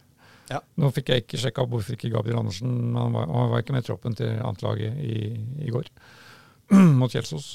Men eh, mens Philip Romsås. Napoleon. Jakob. Jakob. Nå ble det mange navn her. Men Philip er i K5, han. En av de, apropos som Koffa har på skadelista si, det òg, vel. Ja. Filip Romsås. Men Jakob Napoleon Romsås. Ja. Han ble tatt ut på G18-landslaget nå. Ja. Nettopp fordi han eh, leverer lovende prestasjoner. Mm. Så nei, den, dette er en er en nøkkel for, som, for eh, Gard Holme, som i tillegg da til å krydre hverdagen sin skal bli far for tvillinger i løpet av sommeren. Så han får jo litt å pusle med. denne Ja. kan være greit også, kanskje. Kanskje det. Det tror jeg bare er en fordel. Skal vi se. Toppserien, da. Woo! Ja. Pål er klar. Der er jo noe helt annet. Vi som, var på, helt annet, vi ja. som var på Vålerenga-Rosenborg to ganger i løpet av helgen. Der var vi jo begge. Ja, Ja, jeg så, så den, jeg òg. Jeg var ikke på jobb på den heller, men jeg så den. jeg var på jobb. Vi følger med, 1-1, selvfølgelig. selvfølgelig. Det er vel første gang Vålerenga ikke har dominert fullstendig i år. Eh, antagelig. Helt greit. De var vel heldige som ikke tapte. Gudo Pettersen eh, viste fram klasseredninger eh, som gjorde at at de holder seg inne, og har nå da Brann borte kommende søndag, som setter da ny publikumsrekord i toppserien. Det er solgt over 5000 billetter allerede. Og så har de jo da også Rosenborg borte eh, senere i denne måneden, før de tar EM-pause. Så de to bortekampene mot Brann og Rosenborg ville da fortelle oss hvor, hvor Vålerenga havner. Men så er det ikke så fullt så spennende som før, da, for at eh, de fire lagene som, som havner som nummer én, to og tre, det, det vil jo havne, skille bare to poeng mellom dem uansett. eh, Hvor mye de vinner eller taper nå i de kampene som kommer. Men Rosenborg imponerte, og de var jo klare på at de spilte årets beste kamp og har en stigende profil. De spiller kampen mot Brann på Lerkendal, kampen mot Vålerenga på Koteng Arena. Sånn, det var mitt foredrag om det. Å, flott. flott det der. Men eh, ja, nei, jeg er enig i det. Altså, det var, Vålerenga har imponert eh, stort sett i alle kampene. Den kampen her så var det De tok jo ledelsen, og da tenkte liksom Ja, ja, da kan det hende at det blir eh, Altså det, det blir en ny, ny, ny seier, og det hadde vi nesten forventa, fordi de har spilt veldig bra i år. Men så, så greide Rosenborg å få kampen inn i sitt spill, og så det viser jo at Vålerenga har litt igjen eh, eh, fortsatt. Og eh, kampen nå mot, uh, mot Brann Hvis det hadde vært vanlig toppserie, så hadde jo det vært en nesten Altså det vært en seriefinale. For nå er det eh, Det er fem poeng opp til, til Brann, riktignok med, med, med en kamp mindre spilt for Vålerenga. Hvis de da eh, taper den her, borte mot Brann, så begynner det å bli et ganske langt gap opp, fordi Brann taper ikke mange kamper i løpet av en sesong. Eh, men igjen, siden de ikke er eh, vanlig toppserie, at det bare er et eh, grunnspill, og at de skal inn i en Men de får vel med seg noen poeng inn i det der? Ja, ja, men det, det er to poeng. Ja da.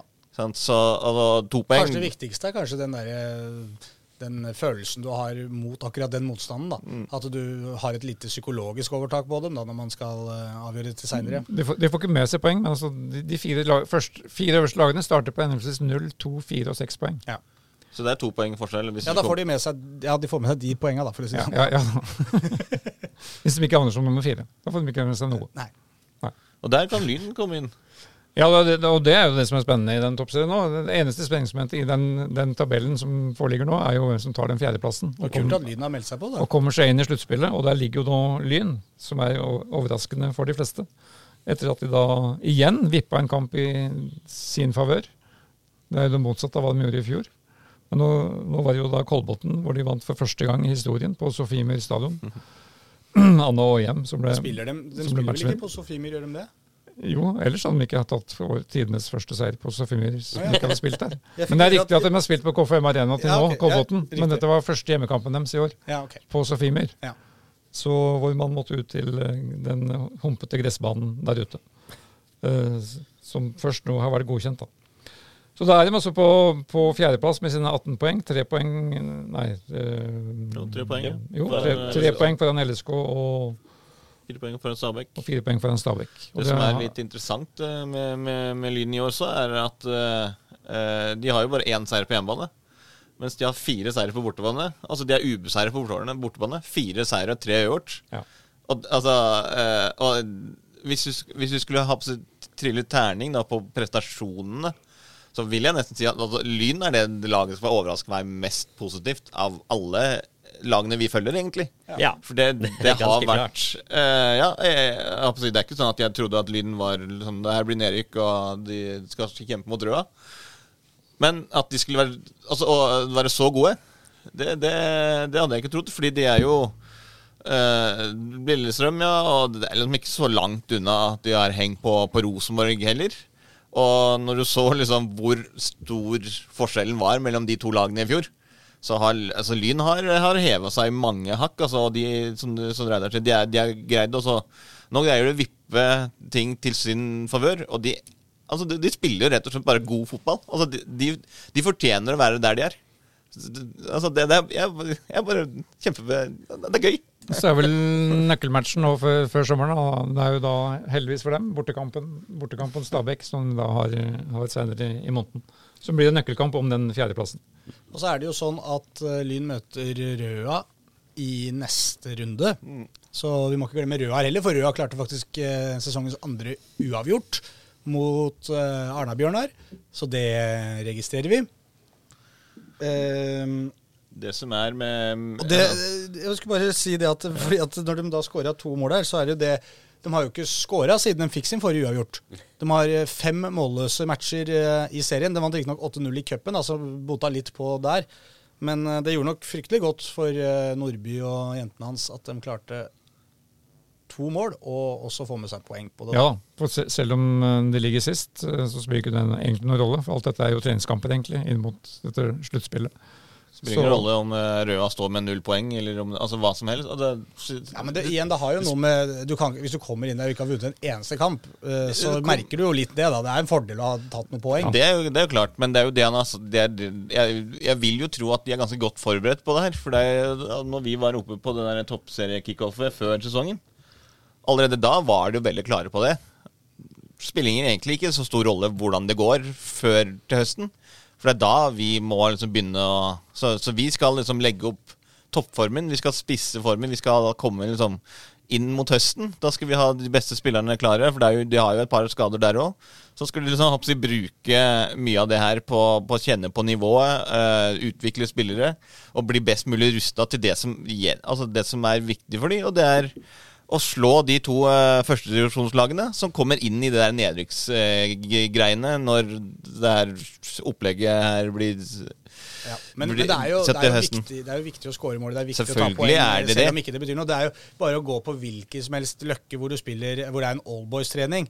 Det er, ikke noe, det er ikke noe poeng på spill, men det er jo knottene først og knallharde dueller og kjefting og smelling likevel. Så idrettsfolk vil alltid være idrettsfolk og vil vinne kampene sine. Så det er viktig for selvtilliten i gruppa der at de får til eh, å både skåre mål og ta poeng. Og det gjorde de nå. Ja, det er jeg enig i. De har- er jo det laget som har skåret klart færrest mål. Fem, fem mål på elleve kamper er jo ikke veldig imponerende. Så de, har, de, de må heve seg, ja. Skal vi se, skal vi da takke farvel til eh, toppserien? Den ruller jo og går nå, selv om det er pause, vel, i, eh, i Eliteserien? og Ja, for de tar jo snart to måneders pause, faktisk, pga. EM-sluttspillet. Ikke sant. to, to uker igjen, eh, så er det nesten to uker. Det er vel i starten av august. 6. august eller sånt, tror jeg de starter opp igjen. Så da kan Pål oppfordre alle til å dra og se toppseriematcher nå mens vi venter Mens på du kan. Mens du kan. Ja. Hvis, Mens du ikke, venter på EM, hvis du da. vanligvis drar og ser på uh, Vålerengas herrelag, så kan du nå dra og se på Vålerengas damelag istedenfor. Ja, eller begge deler. på- Det kan du ikke gjøre nå, for Vålerenga særlag skal ikke Ja, ja, nei, det kan du ikke gjøre nå. Nei, det er sant. Da hopper vi til andredivisjon. Eller vi hopper, ja, vi hopper nedover. Vi klatrer nedover stigen. I post Nordligaen. Eh, Kjelsås eh, Der, der det jo en kjempeopptur, egentlig, for eh, i hvert fall Kjelsås og Frigg. Som eh, begge to eh, vant hver sine kamper. Kjelsås slo Gjøvik-Lyn 4-0 etter skåring av Brotangen. To av Midtskogen og Adel Abbas.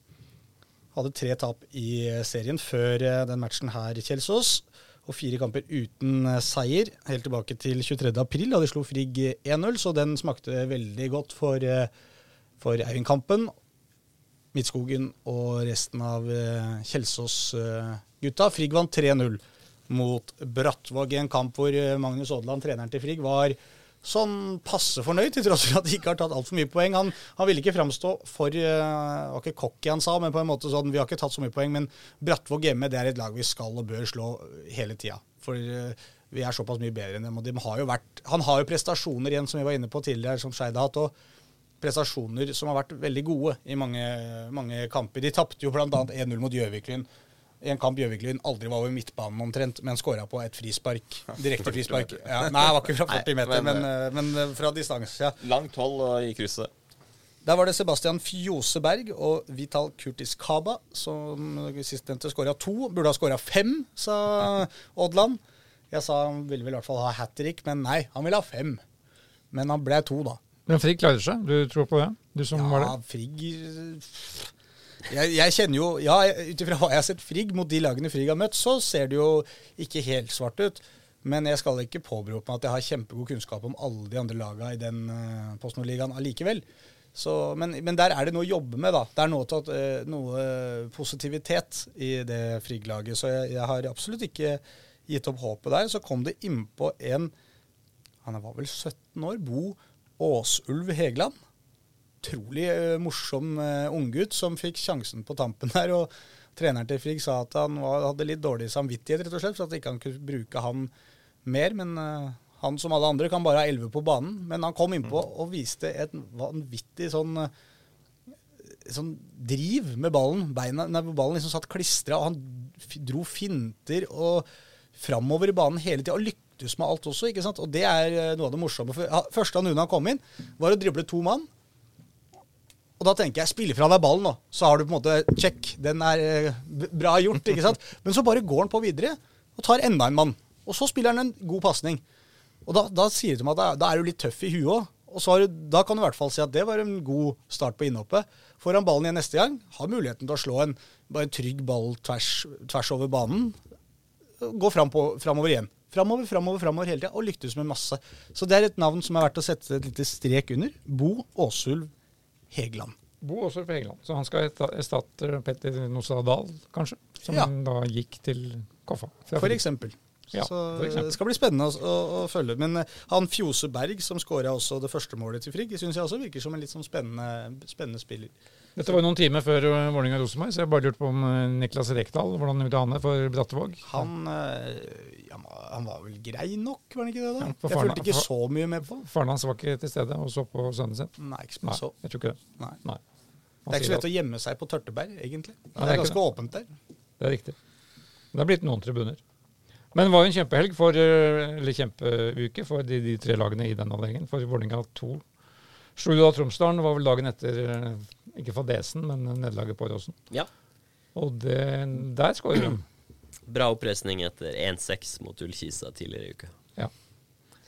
Pussig lag. Men da var det jo noen A-lagsspillere med denne gangen, da. Ja. jeg. Hvordan var dette laget eh, i den matchen? Eh, vi, ja. Tobias Christensen starta blant annet på skårte. Udal starta skårte. Så var det ja, Brage Skare og Dikko og de, de som ofte spiller på andre laget, da, men som også er i Asdalen. Så- Ja. Men Christensen spilte veldig bra der. Og. Hvem skåra de to siste måla? Husker du? Eh, Tromsdalen, Steffen Pedersen eh, dundra ballen i vinkelen for Tromsdalen der, eh, mens tre, det tredje målet til VIF Magnus Bekke Risnes. Risnes, ja. Han skåret 1-0-mål, faktisk. Så han er jo eh, Asdal-spiller. Ja. Men eh, VIF 2 var klart best i den matchen. Kanskje, de bare skal, kanskje Fagermo og Sanden bare skal bytte plass noen matcher? De også? Så Sende opp andrelagstreneren for å Det er jo mange lag som kan gjøre det. Jeg tror både Grorud og Skeid kunne fint gjort det. ja. Bytta Det ser jo eh, rekruttlagene både til Vålerenga, Grorud og Skeid gjør det jo langt bedre enn eh, A-lagene deres. ja, det er sant, det. Så det er en trend, det her, kanskje, at de bare Men da kommer vi til en glidende overgang til Trikkeligaen. For jeg snakka jo nettopp om det med Skeid 2, som slo da Kjelsås. Annet lag på mm, mandag kveld. Tirsdag kveld. Tirsdag kveld. Det var i går kveld, ja. Da vant ja. Skeid eh, 1-0, som gjør at de da ligger likt med Lyn på tabelltoppen i tredjedivisjon avdeling 1, som vi populært kaller Trikkeligaen. Og da snakka jeg med eh, kanskje den minst fokuserte treneren i disse, i disse lagene. Eh, Martin Dolvik. Nå er jeg spent. Har du hørt om Martin Dolvik? Nei? Han trener Skeids annet lag. Ja, sånn, ja. ja. Nei, ja. Eh, minst fokuserte Du mente at han ikke har fått så mye fokus? Var det det du ja, mente? ja, Ja, at ikke han at han helt- Han, ikke han personlig. Han, han har i Nei, høyeste ja, grad okay. Ja, han har gått under radaren. Ja, sånn, ja, Han har fokus. ja. På det han skal gjøre? Det han skal gjøre. Så får man en sånn vims. Yes. Men Ja. eh, omtalen i At han var ikke mediene klar over at han trente Skei 2 han heller? Jeg bare, møter opp her, ja, så er det et eller annet som, som begynner å løpe litt rundt. Og så Men han var ikke, han var jo da ikke klar over det for en uke før seriestart. Nei, ok. For da start, tok han over Skeids antlag. Ja. Fordi da hadde Skeid utløst stillingen. Ledig jobb som trener for Skeid 2. Og Martin Lolvik, som er, kommer fra Arna-Bjørnar i Bergen, han søkte på jobben og fikk den. Ja. Og siden har han eh, levert en serie kamper uten nederlag. Det var vel 6 6-2-0, er det? 6-2-0, ja. ja. Fire strake seire for bortebane. Og kan jo true Lyn eh, om opprykket, men de kan ikke opprykk, rykke opp hvis de rykker ned. Men som han sa til meg, det fokuset deres er ikke å rykke opp, men å utvikle spillere til A-laget. Men han var jo litt overraska og, og gledelig over at de ligger der de ligger, og de har jo en stall som er imponerende. Og så ser den storstallen til Skeid, så er jo den eh, Den skaper også et uh, Obos-lag lag som sliter, men et uh, lag i tredjevisjon som dominerer de fleste kampene sine. Men du skrev vel noe om det, for det var mange av de som var med i den cupkampen som Skeid spilte. Emil Tjøstheim annet, og Yassir Saad, og, og mange av de som har imponert på, på, på Skeid 2, og hvorfor de ikke absolutt kan spille på, på A-laget. Ja. Ja. Det er jo bare fordi de ikke har proffkontrakter, rett og slett. Ja. Ja. Så nå har de tatt opp en av dem da, eh, siste uka. Han, uh, han. Lo- Lokai, Lokai, ja. ja. Han er jo da tatt opp i, tatt Han kom jo inn mot KFM. Ja. Men det var jo dette her som eh, altså når, vi snakka om KFM Skeid i stad, bredden i troppen Vi liksom skrøt av bredden i troppen til KFM. Bredden i troppen til Skeid er jo Altså, bredden er jo enorm. Det er jo mer kvaliteten på bredden som, som er sterkere hos KFM, for å si det sånn. Så ja, det det ender jo opp i det ganske naturlige resultatet at Skeid 2 er knallbra, mens Skeid A sliter litt. da. Fordi det er ikke så veldig stor forskjell, faktisk, på de to lagene. Nei da, og, og de, de, det, er, det er de samme spillerne som før, som, som vi har nevnt før, som dominerte i går, med han Yasir Saad, som, uh, Ja, han som jo finner, på, finner på veldig mye. Men um, som han sa, de tenker utvikling. De bytta ut fem mann uh, utover de andre omgangen der. Det var liksom ikke snakk om å, å, å sikre seieren i, i, i den forstand. Så, sånn som han, han, De hadde en kar som skårte fem mål i, i forrige kamp. Daniel Størseth Lunde. Han ble jo femmålsskårer når de vant 6-1 i forrige kamp. Han starta da på benken, og han satt på benken i 70 minutter. Så, sånt har vi råd til å gjøre da. Ja. Så det er, det er litt morsomt. Men de vant fortjent. Og så må vi da nevne at eh, for Kjelsås 2 så var det jo da Terje Kirsebom, vår gamle veterankeeper, som nå blir 43 år om noen uker, sto i mål igjen for Kjelsås. Etter, etter å ha tatt farvel med Ullern, fordi han ikke blir satsa på lenger der. Nei. Eh, etter at jeg snakka med henne i går. Det er jo ikke noe veldig framtidig løsning, da. Det er vel, må det være lov til Nei, å si. det kan være lov til å si, men som han sa, alle trodde han var ferdig når han fikk disse 19 stinga i, som han måtte sy her for noen uker siden. Ja. Eller for en måned siden, bare. Ja. Uh, men det var ikke det, sa han. Det var bare at de plutselig henta inn en ny keeper og ville satse litt yngre. Og da skjønte han at dagene var talte på Ullern. Istedenfor å sitte benken, benken der, så åpna det seg plutselig en mulighet i Kjelsås, fordi Emil Fiskvik forrige tirsdag la opp. Og han var jo da annenkeeper i, i Kjelsås. Gammel var han da, i forhold til Til- Tidligere, tidligere Skeid Ja, eh, vel, i, hvert fall 20 år yngre. Betydelig yngre enn en Kirsebom, men det var da noe med familiesituasjonen og jobb som gjorde at han ikke kunne satse lenger. Ja. Da åpna det for Terje Kirsebom tilbake på Oslos tak, som det fortsatt misforstått. Chatin vant Ullern, snakka vi vel ikke så mye om. Nei, var det jeg skulle si også. At Fordi de ligger eh, jo ganske dårlig til. Altså Nå, nå tapte du sin første hjemmekamp for året også mot Arendal med, med, med 3-0, og det gjør at nå er de jo under streken. Og det altså For jeg har jo sett eh, jeg har de, Så langt da, så har de vunnet alle hjemmekampene og tapt alle bortekampene. Og hvis du gjør det, så ja, du tar gjerne et poeng eller to på bortebane, så, så greier du deg si, gjennom en, en sesong. Men hvis du nå skal begynne å tape hjemmebane også, så begynner det å brenne et, et blått lys. Så de, de har jo starta med fire strake bortetap. eh, 3-12 i, i målforskjell. eh, Men så har de jo to seire og én uavgjort før den kampen mot Arendal, så de tapte 3-0 på hjemmebane.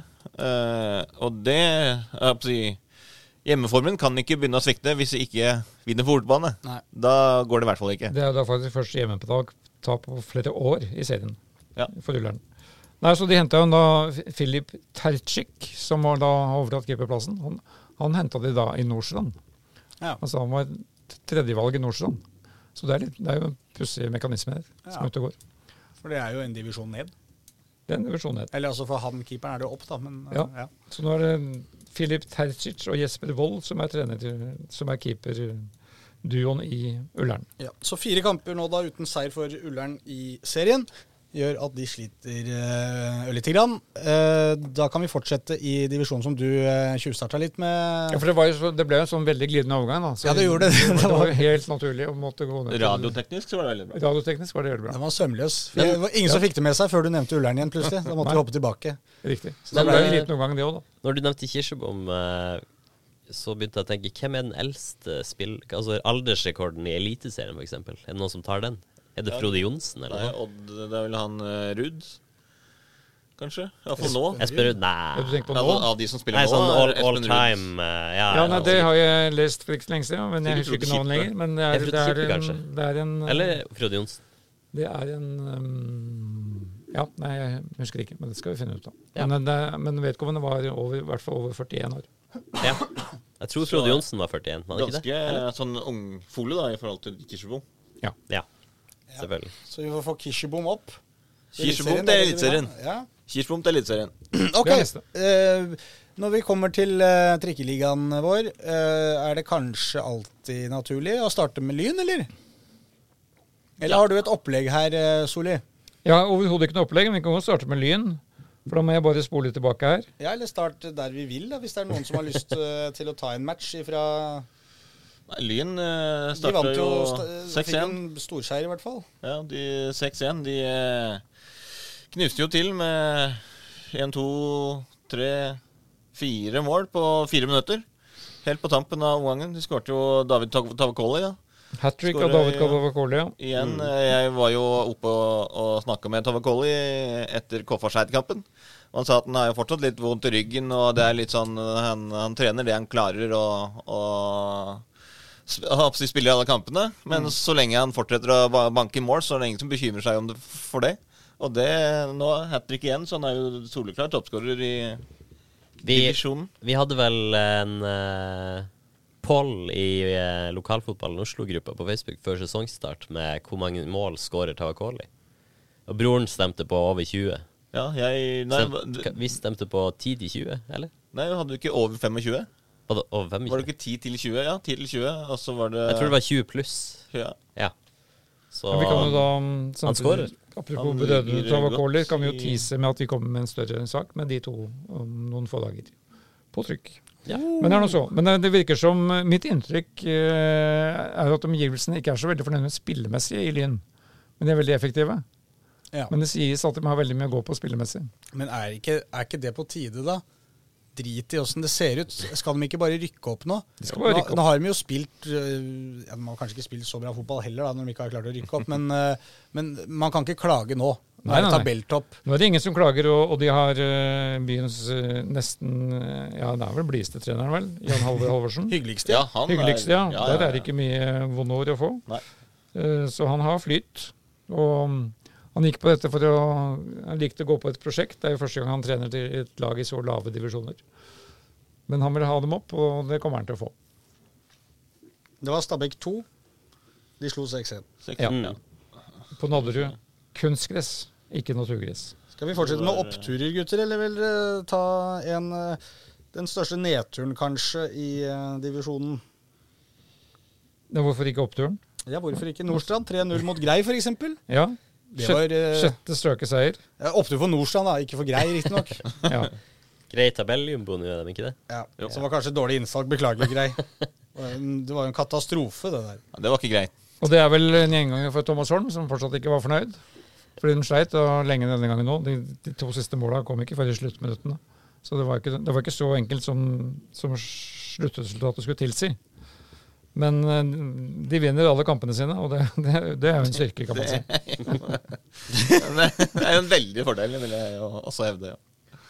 For det som var den store nedturen, tenkte jeg på, og som er på en måte sesongens store nedtur på mange vis, eh, syns i hvert fall jeg personlig Oppsal. Tap igjen. Tap igjen, ja. 2-0 borte mot Frøya. Ja, det var det vel neppe, neppe noen av oss som så, men jeg bare ser vi, hva vi skrev i vårt lille sammendrag. Vi slapp jo inn to mål på overtid. Hva skjer i Oppsal? Her klarte laget å kjøre nesten hele kampen i Frøya idrettspark, men ender likevel opp uten poeng. Og Det Eh, betyr at Frøya eh, gikk forbi Vi talte om lag åtte store sjanser, Oppsal-sjanser etter hvilen. Så hva skjer da? Hjemmelaget skårer på overtid to ganger. Med samme mann, Simen Næss. Blytungt for Oppsal, som dermed har tapt halvparten av kampene sine så langt. ja. Niendeplass. Nei, åttendeplass. Åttendeplass, for Frøya gikk nå forbi, da. Ja. Eh, Nei, Så de er inne i en motsatt flytsone, da. Ja. Og det er dumt. det kan man si. Ja, ja, det er akkurat det de er. At det, det, det, Oppsal var jo et lag som vi hadde før sesongen litt forhåpninger til. Ja, var vel tredjeplass. Vi tippa dem der. Tippa det vel på tredjeplass. Ja, det var Ja, og litt sånn som- unisont medie, alle medier som, som Ja, hadde vel- noe vettugt å komme med om uh, den divisjonen, hadde jo Oppsal topp fire. Ja. Så, så det er jo et stykke unna det, da, men, men allikevel uh, Ja, nå Altså de, de må jo først og fremst berge plassen, da. Det tror jeg de skal uh, Ja, det var klare. to poeng ned til, til Reddy, ja, som var under streken. Men nå har vi jo hvor mange, husker ikke, Nå har vi jo Reddy, Kjelsås 2 og Grei da, under streken, som alle er våre lag. Mm. Men uh, Hapsi når nesten samtlige lag i divisjonen er våre lag, så, så må det jo Hapsi Ja nesten. Det kan nesten bli sånn. Sta Stabæk 2, Men hvis vi kjører Stabæk 2 og, og Fyllingsdalen ned sammen med Frøya her, og Ja, ja, ja. Sandviken eller Os, så, så skal det gå, det. Men, eh, men vi hadde vel Grei og Kjelsås 2 på de to nederste plassene, og der, eh, der ligger de òg, dessverre. Ja. Ja, men jeg så jo så- ja, Er vi ferdig med hva var det? Lokomotiv Oslo uavgjort. Ja, nei, hvis du- hvis du vil si noe annet, så kan du bare ta ordet. Nå nå har Pål overtatt programmet. ja, for vi hadde jo da Du nevnte Kjelsåsstua, de ligger nest sist. Nei, som sagt, jeg så dem mot Skeid i, i går og syns jo dem var eh, overraskende bra. da. De har en, Kjelsås Stua har en del typer. Og nå kommer jo også han eh, Ja, en ting er at nå Terje Kirsebom kommer til å stå frem i mål. Han var viktig, viktig i, går. Og Martin Fasting kom inn. Han hadde vel sin årsdebut. Han er en gammel, klassisk eh, A-lagsspiller for seg. Nei, for eh, Kjelsås. Som har vært skada, ute med skade lenge. Men han gjorde da comeback i går. Og styrk, kommer også til å styrke laget. Kjelsås 2, ja. Jeg tror ikke Kjelsås 2 rykker ned. Nei. Eh, noe av grunnen til det er jo kanskje da annet Reddy, som tapte igjen mot Grorud 2. Ja, det var også i, i går kveld. Ja. Hva er det vi skriver der? 4-2 ble det til Grorud 2. Grorud-guttene herjet med Reddy før pause, ja. Oi, oi, oi. Plutselig sto gjestene fra vest tilbake og reduserte to ganger i løpet av få minutter etter hvilen.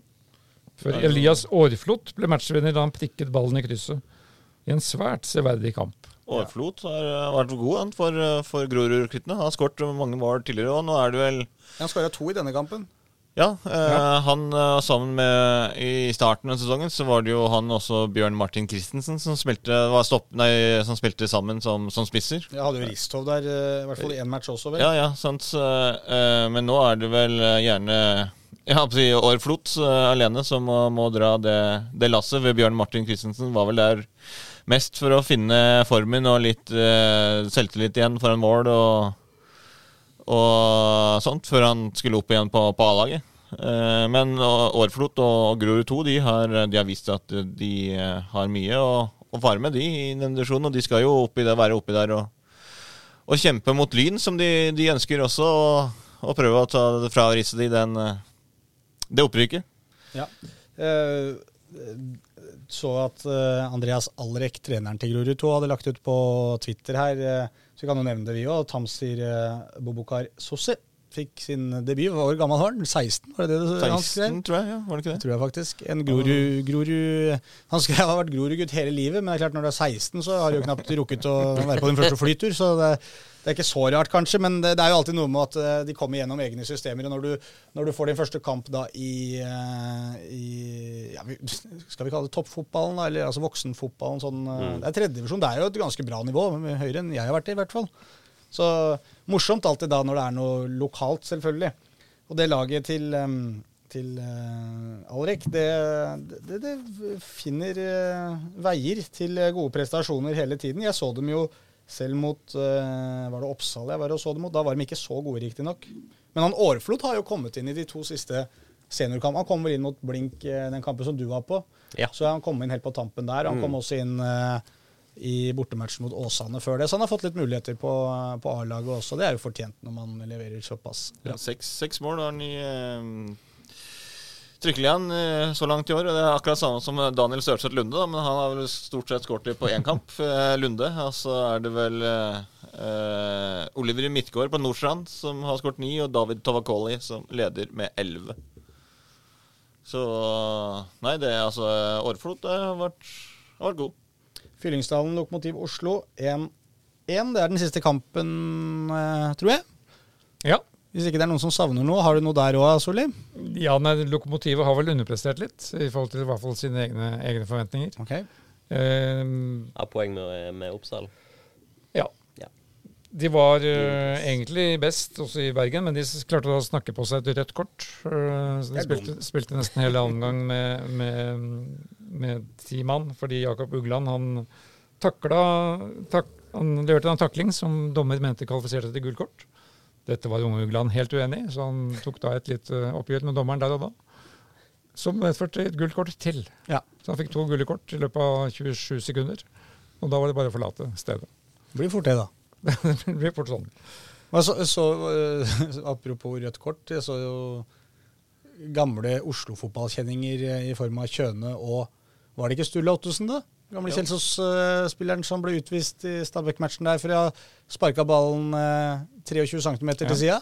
Ja. Det var også litt spesielt. Ja da, det er riktig. Ja, og, og Lokomotiv de misbrukte også et straffespark i, i Bergen. Varden Amfi. Så de burde ha fått, seg, fått med seg noe mer fra oppgjøret mot Fyllingsdalen. Ja, og Det hadde jo eh, vært gunstig da. Som vi var inne på, Fyllingsdalen er et av de ikke-Oslo-laga som eh, Det er vel det Os...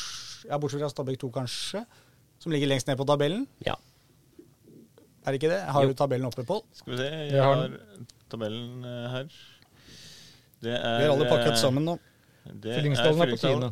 Tiendeplass, ja. Stabæk 2 er på ellevte. Sju poeng begge to. Så hvis de ikke hadde fått med seg den poenget, så hadde det jo vært A-poeng da med Reddy og Kjelsås 2, Mm. som ligger under streken. Ja. For en økt, gutter! Det er mange kamper. Det er fryktelig mange kamper. Det er mange lag, men det er vi veldig glad i. Ja, og det stopper ikke med det første. Nei, og det er fordelen vår. er jo at ja. selv, om, eh, selv om det er litt pause i både Eliteserien og førstedivisjon, så eh, er det jo fremdeles kamper man kan eh, følge i, i Oslo-fotball. Nå har vi ikke vært innom alle de neste kampene som eh, kommer, har vi det da? Vi nevnte noen av de Skal vi ta en kjapp tikk på For nå har jeg den oppe her på, eh, på Ja, for nå er det jo pause, pause både i Eliteserien og Obos-ligaen, men, eh, men andredivisjon og trikkeligaen vår banker jo videre. Og der er jo diverse lokaloppgjør, i hvert fall ett. Eh, På lørdag er det masse kamper i trikkeligaen. Pleier som regel å være Ja, skal vi se Det er Nordstrand har- Reddy. Nordstrand Reddy, f.eks. Ja, det er Lokomotiv Oslo Frøya, Nordstrand Reddy, Sandviken Grorud 2, Oppsal Os, Skeid 2 Grei og Lyn Kjelsås På tirsdag. De spiller da ikke før på tirsdag, som er da Vi går jo inn i en pinse, som kanskje noen kjenner til, hvor det da også er helligdag på mandag. Gjett om det skal feires da, gutter. Oi, oi, oi. Så da blir det feira med, med lokalball. eh, og så spiller vel disse andredivisjonslagene våre på mandag. Ja, så er det vel noen her som skal til eh, Sverige og se på landslaget. To i dette rommet her skal til Sverige og se på landslaget, men det er jo Én skal stå i baris, én skal, eh, en skal sitte på prestetribunen. Er det, er det Solli som skal stå i baris? Det blir nok Solli baris på prestetribunen, tipper jeg. Og så så skal jeg sitte pent og pynte med norsk landslagsdrakt på Ja, tribunen. ja men det blir det. Jeg gleder meg til det. Hvilke Oslo-folk skal vi følge der, Håkon? Nei, han Braut Haaland, er han fra Oslo, eller? Er det noen andre enn han Ja, på laget? han, han burde jo Vålerenga leid inn i sommer. Ja. sommer. Altså, det er lenge til Premier League starter. Ja, det skjønner jeg. Jeg skjønner ikke noe av dette. Nei, dette skjønner vi ikke nå. av. Men det det blir jo noe- Joshua King, selvfølgelig. Ja. Og så vår mann fra André Hansen er vel Berge, ja, hvis han Sander Berge, ja. Ja. André Hansen, ja. Han er jo egentlig Oslo-fotballens beste keeper. Jonny Ja. Budusson, er han med, eller? Han kom ikke med denne gangen. Nei, faen. Ikke denne gangen heller. Men vi har jo han miljø, vår, vår miljømann fra Heming. Morten Thorsby. Morten Thorsby, ja. Han spiller vel ikke fra start, han heller? Kanskje? Skal aldri si aldri. Aldri si aldri, nei. Jeg sier det aldri. Du har aldri sagt aldri. Aldri sagt aldri. Ja, nei, men, Men, det er men, la... eh, det høres ut som vi nærmer oss slutten. Ja, ja, gjør det ikke? Det var akkurat det jeg tenkte òg. For nå følte jeg plutselig at vi glemte at mikrofonene sto på, så da er det kanskje Kan vi fortsette denne morsomme landslagspraten? eh, eh, Men eh, helgens toppkamp er da Brann-Vålerenga på Brann stadion søndag klokka tre. er det? Ja, Ja. noe sånt. En gang på, på søndagen. Mats Møller Dæhlie. Ja, han- ikke Akis. Jørn er vel sånn. Gir det ikke med denne landskampen? Ja, nei, Kanskje vi, skal, kanskje vi skal benytte anledningen eh, til å Siden vi snakker så mye landslagsfotball her, så kan vi jo tipse om Joddy Nordmann Olsen sin podkast 'Hva er den heter igjen? Våre beste menn'. Våre beste menn, ja. Ja. Så kan dere høre på den hvis dere er mer interessert i å høre om landslaget. For her, dette Her kan du få en glidende overgang. Ja, Dette Oslo-fotballprogrammet er over for denne gang. Men eh, skal ikke se bort fra at vi tar turen tilbake inn i dette, dette heslige studio en gang til. Og da neste tirsdag, også dette landslaget, skal spille fire kamper nå. Han gir seg ikke, vet du. På, på. Det er jo, det er jo Beograd, på torsdag, og, og det er Stockholm på søndag, og det er Slovenia på Ullevål, og det er Sverige på Ullevål. Så vi, vår neste ut, utgave kommer da midt inne i dette, denne galskapen. Ja, for vi kommer neste uke òg. Selvfølgelig. Kommer du? Selvfølgelig. Kommer du, Pål?